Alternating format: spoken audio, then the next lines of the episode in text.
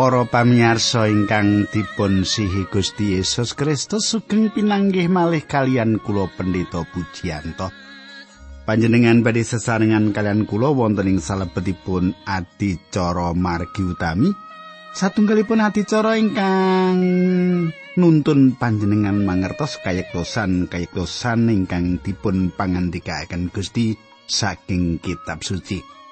Tumrap panjenengan ingkang nembe kemawon mirengaken adicara menika kintenipun panjenengan ugi pikantuk berkah saking pepanggihan menika. Kula pendeta pujianto tansah ndongaaken panjenengan supados Gusti berkahi panjenengan. Sugeng midhangetaken adicara menika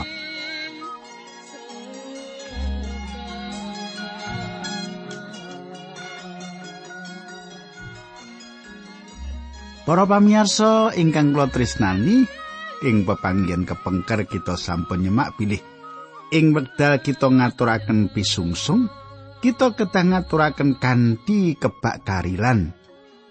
Para pamirsa, kita badhe lajengaken malih kula matur nuwun atas telepon saking Pak Taswi. Kados pundi Pak Taswi? Sae-sae toh. Nah, mugi-mugi panjenengan ugi sesarengan kalian kula. Monggo kita tumungkul kita ndedonga. Do Kanjeng Rama ingkang ngadhedham paronten kraton ing kasuwargan kawula ngaturaken gunging panuwun menawi wekdal menika kawula saged tetunggilan kalian sederek-sederek kawula ingkang setya tuhu midhangetaken adicara menika. Kawula nyuwun Gusti berkahi Gusti nuntuni kawula lan kawula pasrahaken gesang kawula menika wonten ing asta paduka. Yuwun tuntunan paduka linambaran asmanipun Gusti Yesus Kristus kawula ndedonga haleluya amin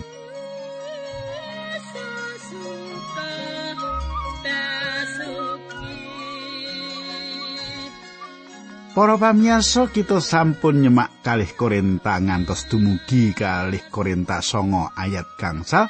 Samenika kita lajengaken kalih Korinta bab songo ayat 6 ingkang kula wasaken makaten surasipun iki gatekno wong kang nyebar setitik bakal ngeneni setitik lan wong kang nyebar akeh bakal ngeneni akeh Kadang kula ing wedal Paulus rembakan kalian para penatua Efesus, Paulus ngimutaken para penatua menika gegayutan perkawis ingkang sami.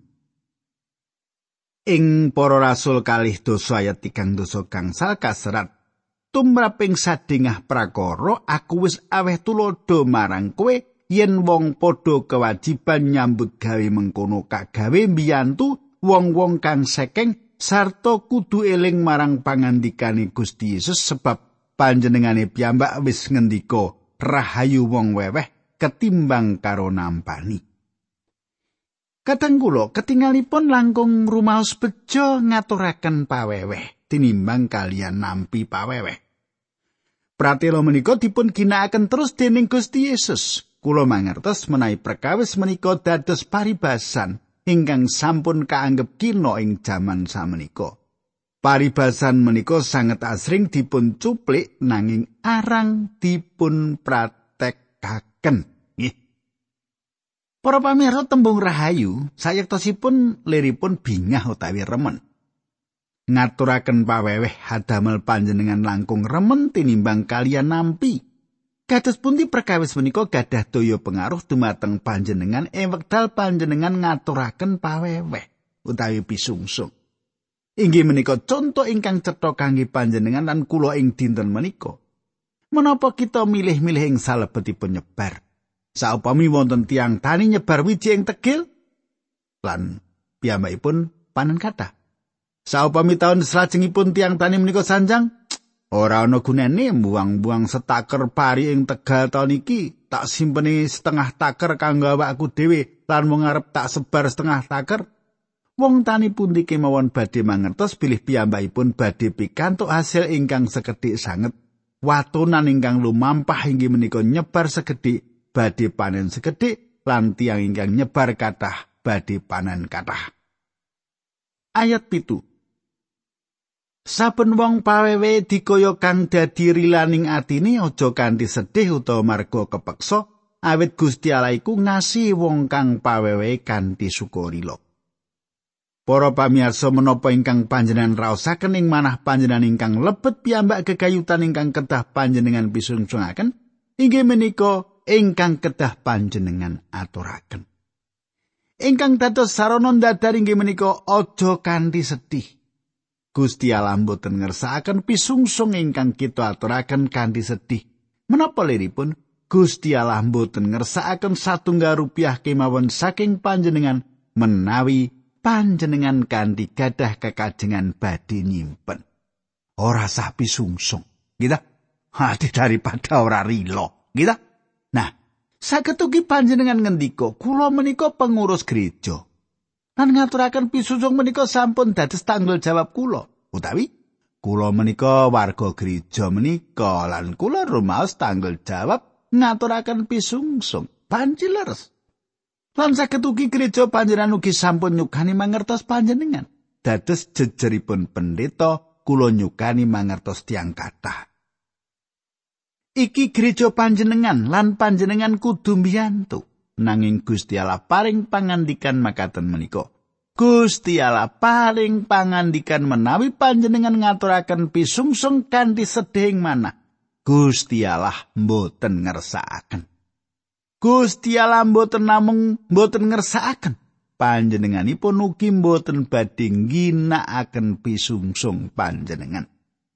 Ayat menika mboten namung meratelaken Gusti Allah mboten kersa menawi panjenengan ngaturaken pisungsung kinantenan seding manah. Panjenenganipun ugi mboten kersa panjenengan ngaturaken pisungsung awet kepeksa.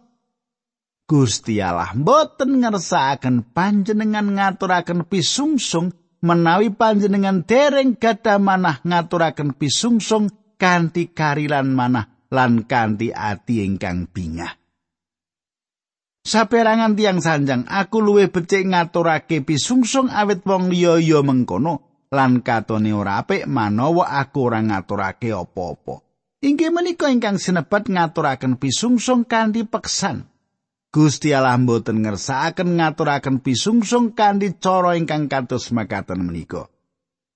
Gusti Allah tresnani tiyang ingkang ngaturaken pisungsung kanthi sukarela. Pisungsung kedah dados perangan ibadah ingkang ngremenaken piyambak. Kula nate wonten ing satunggalipun gereja. Ewedal pisungsung sampun katindakaken lajeng pasaman jumeneng lan muji. pinuji Allah ingkang saking panjenenganipun samukais berkah kaasoaken. Manut kula perkawis menika saestu ngiram-iramaken. Sayektosipun pesamuan langkung sae ngidung langkung rumiyin. Patrap makaten menika nedahaken bilih pesamuan badhe ngaturaken pisungsung kanthi sukarena. Tiang-tiang menika saged pendhet dompetipun wedal jumeneng makaten Gusti Allah sanget dening keparang menawi wonten tiang ingkang ngaturaken pisungsung kanthi sukarila. Menawi panjenengan boten saged ngaturaken pisungsung kanthi sukarila, Gusti Allah boten ngersakaken panjenengan ngaturaken pisungsung. Ayat 8. Ayat 8 saking kalih Korinta songo. Lan Gusti Allah kuwas ngluberaken sawernaning sih rahmat marang kowe kabeh supaya kowe padha tansah kecukupan ing samubarang lan padha linuwih anggonmu nglakoni sarupaning penggawe becik. Para pamirsa kula dereng nate ningali tiang bangkrut awit anggenipun ngaturaken pisungsung dumateng Gusti. Saged ugi wonten sawetawis tiang, nanging kula dereng nate ningali tiang-tiang ingkang kados makaten ing peladosan kula. Kula pitados Gusti Allah temtu badhe berkahi panjenengan. Manut kula, berkah-berkah ingkang Gusti Allah paringaken dumateng panjenengan mboten berkah ingkang ketinggal kemawon. Kata sanget tiang gadah pemanggih, tiang saged gadah pengajeng-ajeng dumateng Gusti Allah ingkang paring janji maringi berkah-berkah ingkang ketinggal utawi materi. Manut kula, panjenengan mboten saged. Panjenenganipun paring janji badhe berkahi kita kalian samukawis berkah kasukman. kita lajengaken ayat songo ngantos sedoso kaya kang katulisan panjenengane ngedum-edum panjenengane maringi marang wong miskin keadilane tetep ing selawas-selawase panjenengane kang nyawisake winih kanggo kang nyebar lan roti kanggo pangan iku uga bakal nyawisi winih marang kowe lan ditikelake sarta nuwuhake pametuning kabeneranmu. Para pamirsa ayat menika cuplian saking Mazmur 112. Ayat menika nyebataken rahayu wong kang ngabekti marang Pangeran Yewah lan mulurake paweweh marang wong miskin. Kita kedah ngedum-edumaken menapa ingkang kita gadahi dumateng tiang ingkang kirang mampu. Kulo yakin bila ing salebetipun gereja kita kedah ngrimat menapa ingkang dados gadahan kita. Kata sanget wewengan kita saged dados berkah kangge tiang sanes. Kata tiang Kristen ingkang gadah ganjaran kasukman sumana. Sumana menika satunggalipun ganjaran kasukman. Kriyanipun tinar buka kangge sinten kemawon lan saben tiang ingkang wonten ing griyanipun lajeng krasan. Asring tiang ingkang gadah ganjaran kasukman sumana menika ngajak tiang sanes dateng gereja supados tiang sanes menika mireng Injil. Salajengipun dipun ajak dhateng griya supados nedha sesarengan wonten ing griyanipun. Patra pingkang kados makaten menika satunggalipun cara ngaturaken paseksen ingkang ngiram-iramaken. Menika kangge nyaketaken tiang-tiang ingkang kasepen lan kirang sesraungan. Kadang kula Paulus nyukani conto tiang tani ingkang boten kawratan medal nyebar wiji setaker tambah setaker lan tambah-tambah selajengipun awet piyambakipun yakin kanthi nyebar kathah badhe panen luber-luber. Gusti Allah kemawon ingkang nglipetaken wiji Pak Tani menika. Gusti Allah ingkang nglipetaken samukas perkawis ingkang panjenengan tindakaken kunjuk panjenenganipun. Dados ampun kuatos ngaturaken pisungsung kangge pakaryanipun Gusti. Kula nate manggihaken pengalaman ngiyataken manah nem-neman supados mboten pisungsung. Piyambakipun nembe dipun wilujengaken. Lan piyambakipun sejatosipun ngaturaken pisungsung sanget dening kathah. Tundhonipun piyambakipun mboten gadah arta kangge keluarganipun. Alkitab kendikaken bilih tiang ingkang mboten ngrimat sanak keluarganipun menapa malih kangge isi kriyanipun tiang menika murtad tan langkung awon tinimbang tiang ingkang mboten iman. Semak setunggal Timotius gangsal ayat 8. Kulo nedahaken ayat menika dumateng nem-neman wau, kulo nyukani mangertos bilih nem-neman kala wau ugi kedah metang kangge kabetahan keluarganipun.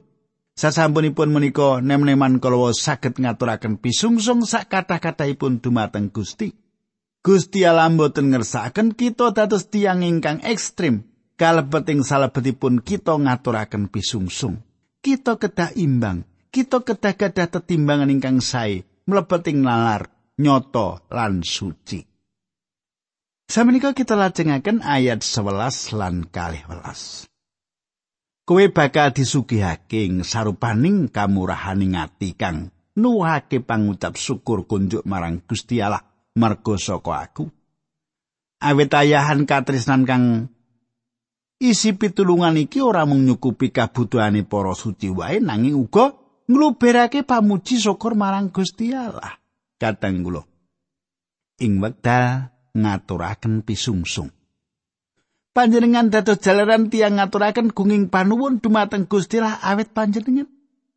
Gusti Allah piyambak ingkang badhe nampi pujian lan kamulyan.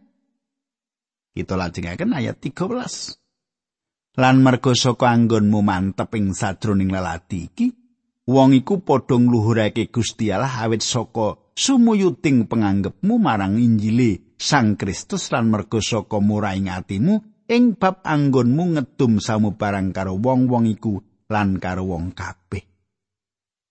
Para pamirsa satunggalipun misionaris sanjang ewedal piyambakipun wonten ing laladan pladusan. Ha anu tiang-tiang mriki malahipun lomo sanget dumateng kula.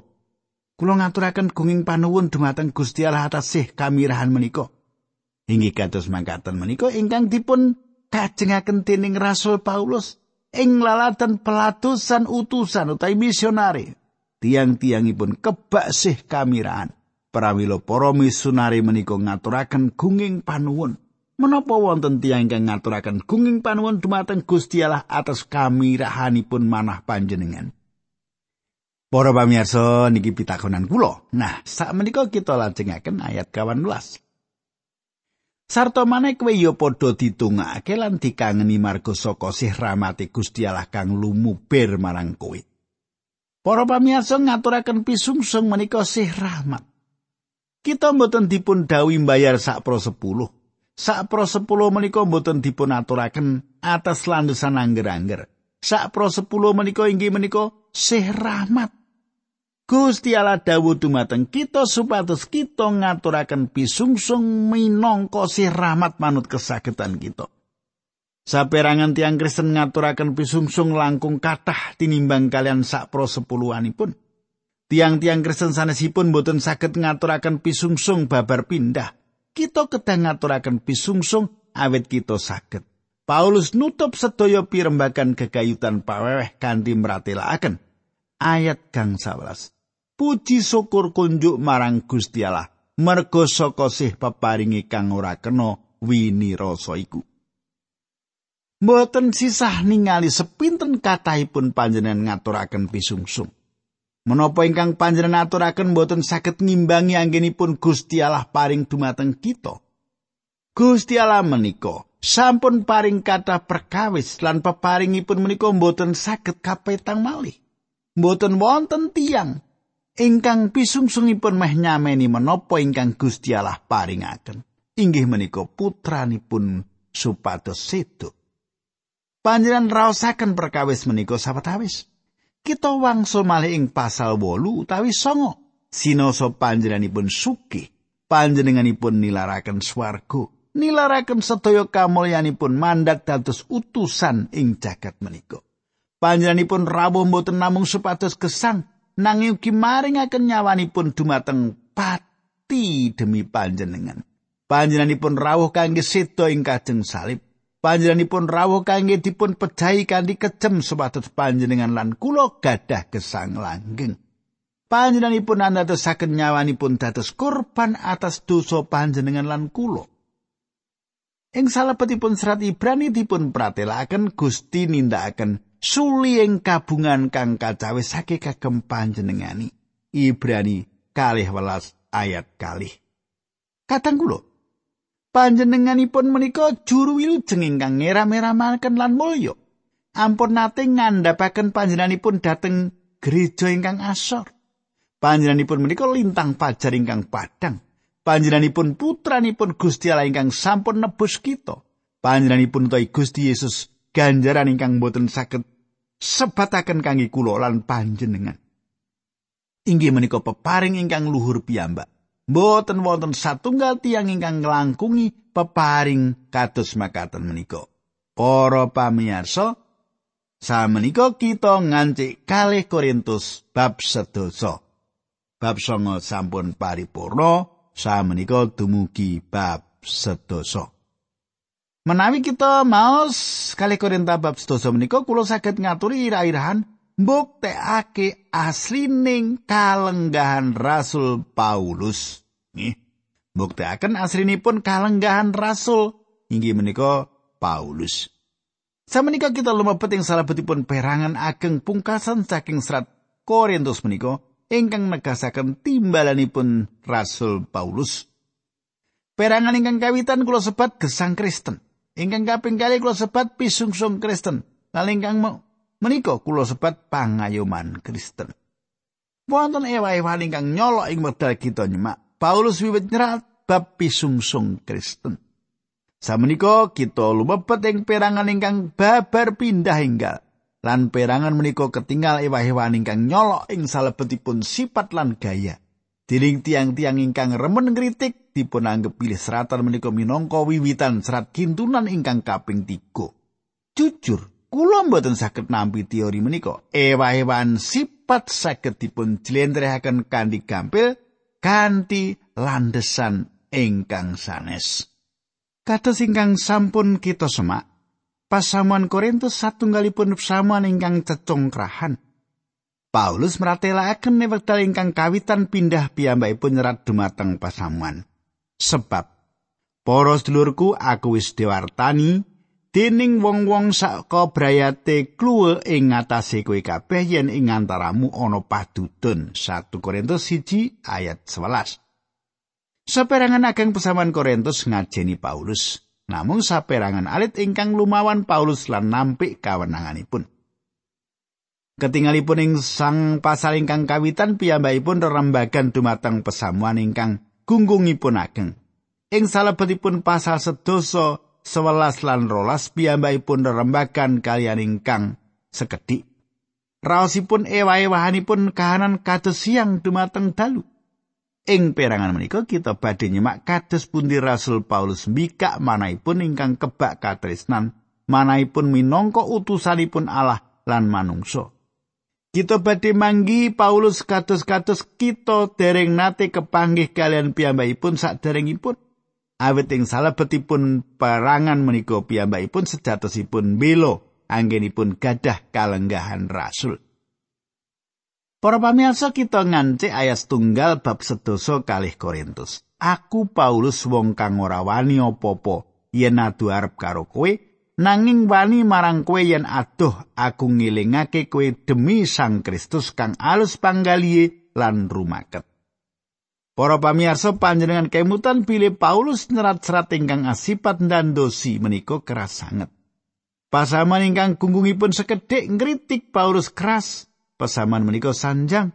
Paulus ngedap-edape ing tulisane nanging tengah kita dheweke kuwi dudu sapa-sapa. Paulus ngimutaken dumateng tiang-tiang menika Sang Kristus kang alus penggali lan rumaket. Paulus kesah dateng Korintus dados tiang damel tendo. Paulus mboten momoti sinten kemawon lan piyambakipun mboten gadah kekajengan momoti tiang sanes. Paulus nyambut damel wonten ing pasar saben dinten, anggenipun nyambut damel keringetan lan tanganipun reget. Piyambakipun nyambut damel ing mriku lan piyambakipun rerembagan kalian tiang kathah ingkang pating sliwer tiang Korintus sanjang, dheweke kuwi dudu rasul, delengen to, dheweke kuwi tukang tendo, wong iku mung wong lumrah. Kadang kula. Paulus menika tiang limprah nanging kaleresan piyambakipun menika ugi dados rasul. Paulus ketinggal sami kalian tiang sanes nanging kasunyatan saperangan tiang nganggep asor dumateng piyambakipun. Awit piyambakipun nindakaken pendamelan ingkang kasar. Dados sing wekdal piyambakipun sanjang aku ngelingake kowe demi Sang Kristus kang alus penggali lan rumaket. Paulus gadah kekajengan piyambakipun kados Gusti ing wedal wonten ing donya. Piyambakipun meratelaken wong kang ora wani apa-apa yen adu arep karo kowe nanging wani marang kowe yen adoh. Paulus ketinggal istimewa, piyambakipun menika sanes sinten-sinten. Piyambakipun namung tiang limpra ingkang pendamelanipun tukang tendo. Dados tiang Korintus pas menawi sanjang. Nalika ana ing tengahing kita dhewe iku asor, nanging nalika nulis marang kita dheweke wani lan nulis kanthi panguwasa, dhewe iku anggepane sapa? Paulus serat demi Sang Kristus kang alus penggali lan rumaket. Gusti mboten ngandikan kanthi swara kangge mbelani sariranipun piyambak. Gusti mboten ngatingalaken sariranipun piyambak lan panjenenganipun mboten ketingal sanget benten kados artis supados kita pitados. Gusti mboten tindak kanthi wonten bunderan ing mestakanipun. Panjenenganipun menika sabar sareh lan prasaja lan inggih menika ingkang kedah dipun tindakaken kangge para pandherekipun inggih menika cara pasedherian tiang-tiang pitados. Dados Paulus nerat dumateng tiang-tiang menika lan sanjang aja mbobot saka tata lahir. Paulus gadah pangaribawa dados jejeripun rasul. Piyambakipun ngendikan kanthi kebak kaprabawan. piyambakipun ngrumaosi wontenipun panguwas ingkang boten saking badanipun piyambak. Piyambakipun ngraosaken panguwas ingkang boten salimrahipun. Paulus sanjang kalian tiang-tiang menika supados boten meksa piyambakipun ginakaken kawenanganipun. Paulus gadah kekajengan dateng ing pesaman Korintus kanthi sabar sarelan rumaket. Paulus sanjang kalian pesaman menika supados boten ningali piyambakipun namung perkawis-perkawis kados manen kemawon. Kulo gadah anggapan bilih abdinipun Injil jaman samenika mboten sisah ngagem jubah utawi ngancing krahipun kangge nedahaken bilih piyambakipun menika abdinipun Gusti Yesus Kristus. Kulo yakin tiyang menika saged mbuktekaken saking patrap gesangipun lan kasunyatan bilih piyambakipun menika martosaken pangandikanipun Gusti. Kita tasih badhe manggihaken perkawis-perkawis ingkang sami ing antawisipun tiang-tiang wedal kita wonten ing Korintus. Tiang-tiang menika gadah kekajengan ngremehaken tiang ingkang mucalaken pangandikanipun Gusti. Iblis saestu tliti ing perkawis menika. Ing wekdal menika iblis ketinggalipun boten nyerang pangandikanipun Gusti. Wonten raos ngorong ingkang sejatosipun saking tiang-tiang dumateng pangandikanipun Gusti. Dados menapa ingkang dipun tindakaken iblis? Piyambakipun nyerang nami sae tiang-tiang ingkang dados kagunganipun Gusti Allah ingkang mucalaken pangandikanipun Gusti. Inggih menika caranipun iblis menika mlebet. Iblis nyupi nyemeraken naminipun. Inggih ingkang sawak nempuh Paulus Kulo mangertos satunggal gereja ingkang penditanipun mucalaken pangandikanipun Gusti.